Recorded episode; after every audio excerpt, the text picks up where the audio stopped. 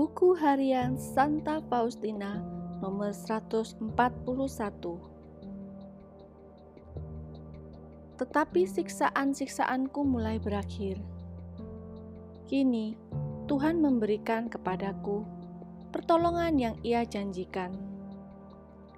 Aku dapat melihatnya dalam diri dua orang imam, yakni Pastor Andras dan Pastor Sopoko.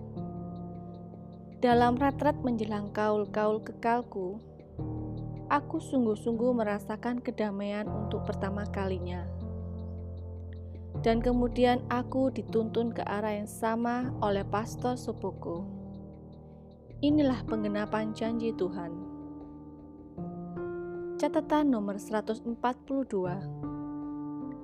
Ketika aku ditentramkan dan diajar bagaimana mengikuti jalan-jalan Allah, rohku bersuka cita dalam Tuhan dan aku merasakan bahwa aku sedang berlari, bukan berjalan.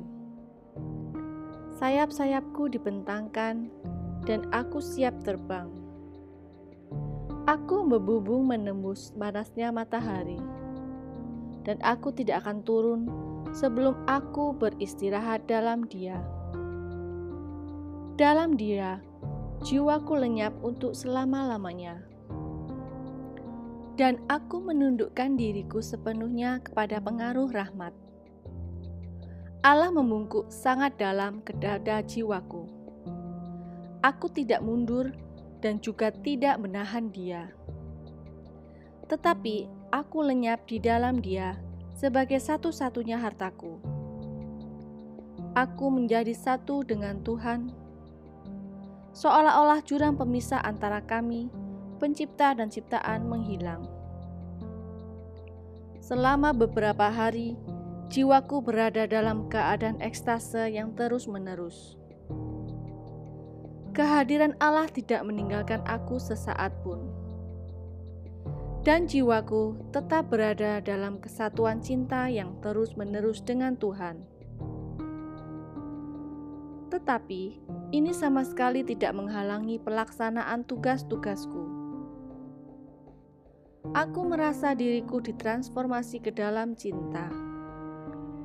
Seluruh diriku bernyala, tetapi aku tidak menjadi hangus. Tanpa henti, aku membenamkan diriku di dalam Allah. Allah menarik aku ke dalam dirinya, sedemikian kuat dan penuh kuasa, sehingga kadang-kadang aku tidak sadar bahwa aku masih ada di bumi. Sudah begitu lama aku memasang penghalang dan takut terhadap rahmat Allah. Dan sekarang Allah sendiri lewat Pastor Andras telah menghapus segala kesulitan. Rohku telah berpaling kepada Sang Surya, dan berkat sinarnya, rohku telah berbunga hanya bagi Dia.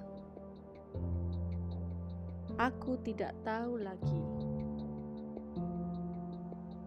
Catatan harian nomor 143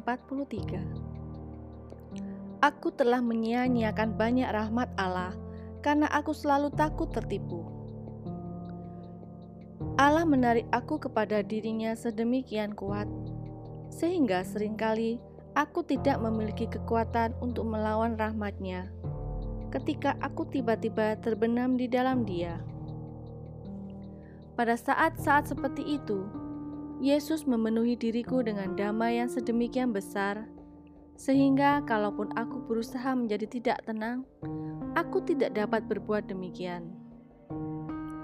Dan tiba-tiba aku mendengar suara ini di dalam jiwaku. Supaya engkau tenang bahwa akulah yang meminta semua hal ini darimu. Aku akan memberimu damai yang sedemikian teduh.